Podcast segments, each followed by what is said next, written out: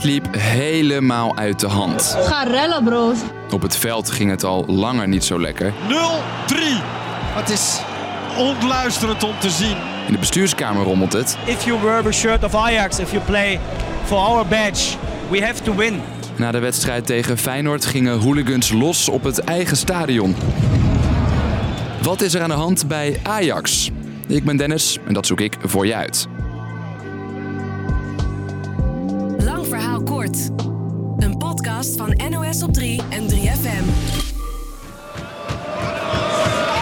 Bij Ajax zijn ze gewend om te winnen. Ajax is voor de 35ste keer in de clubgeschiedenis de beste van Nederland. Maar nu rolt de bal de andere kant op. Dit seizoen is begonnen als. Ja, hoe zal ik het noemen? een, een rampseizoen. Je hoort Jeroen Stekelenburg, dat is mijn collega van NOS Sport. Dat begon eigenlijk direct toen de competitie begon. De eerste competitiewedstrijd, die wonnen ze nog wel. Maar verder is het echt van kwaad tot erger gegaan. Met één keer winst uit vier wedstrijden staat het team er nogal slecht voor. Sterker nog, het is de slechtste seizoenstart in bijna 60 jaar. De laatste keer dat het team minder punten had na vier wedstrijden was in 1964. Bij Ajax loopt Johan Cruijff voor de eerste keer mee naar de middenstip voor de kenmerkende Ajax-cirkel. Net als toen balen Ajax-supporters er nu flink van. Het is uh, gewoon een grote afgang. Het slaat echt.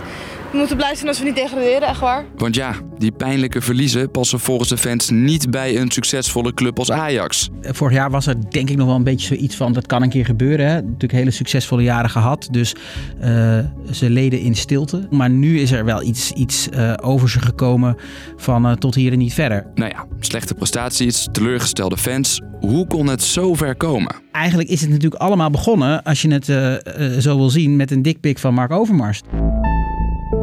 Ja, een dikpik dus. Moeten we even uitleggen. Alle onrust op het veld begint eigenlijk buiten het veld. Vorig jaar in de bestuurskamer. Mark Overmars, die toen nog technisch directeur was, moet stoppen omdat hij grensoverschrijdende appjes naar collega's stuurt. Een opvolger is niet zo makkelijk gevonden. Dat duurt bijna anderhalf jaar.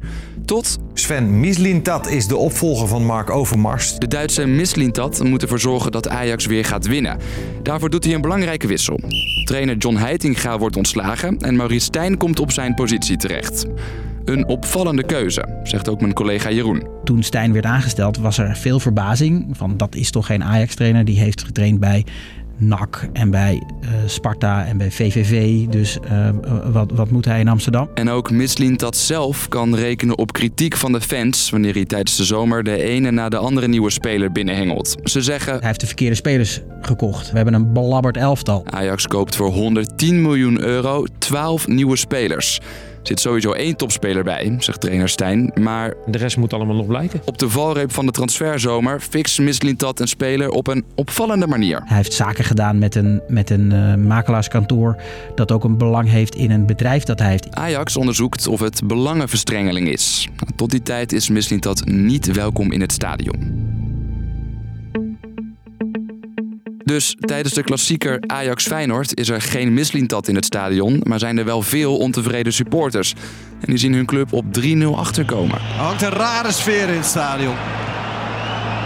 Mengeling van teleurstelling en boosheid, grimmigheid. Nadat er twee keer vuurwerk op het veld komt. Ja, en daar is dan uh, de volgende en dan uh, weten we het zeker. Het is uh, einde wedstrijd hier. Wordt de wedstrijd gestaakt. Eenmaal buiten loopt het verder uit de hand. Hooligans gooien met stenen, bestormen de arena en de ME moet ingrijpen.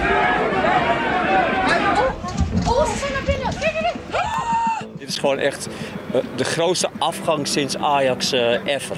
Het spel is niet goed, maar uh, ja, supporters weten ook niet. De minderheid maakt het weer slecht voor de meerderheid. Hè? Jammer, jammer, jammer, jammer. Hoe kon het zo uit de hand lopen? Zo vernederd worden door Feyenoord in je eigen stadion.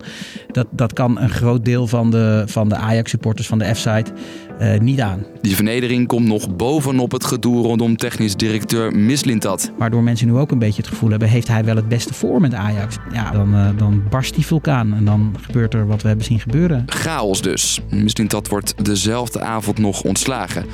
En dus zit Ajax nu weer zonder technisch directeur. Dus, lang verhaal kort. Op het veld en in de bestuurskamer rommelt het bij Ajax. Het seizoen valt nogal tegen en er is veel gedoe rondom Mislintat. Dat is te merken op de tribunes, waar sommige fans met vuurwerk de wedstrijd dwarsboomden en na afloop rellen uitbraken. Mislintat is ontslagen, dus de club zit nu weer zonder technisch directeur.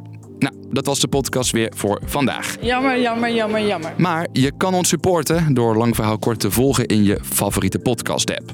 Bedankt voor het luisteren en tot de volgende.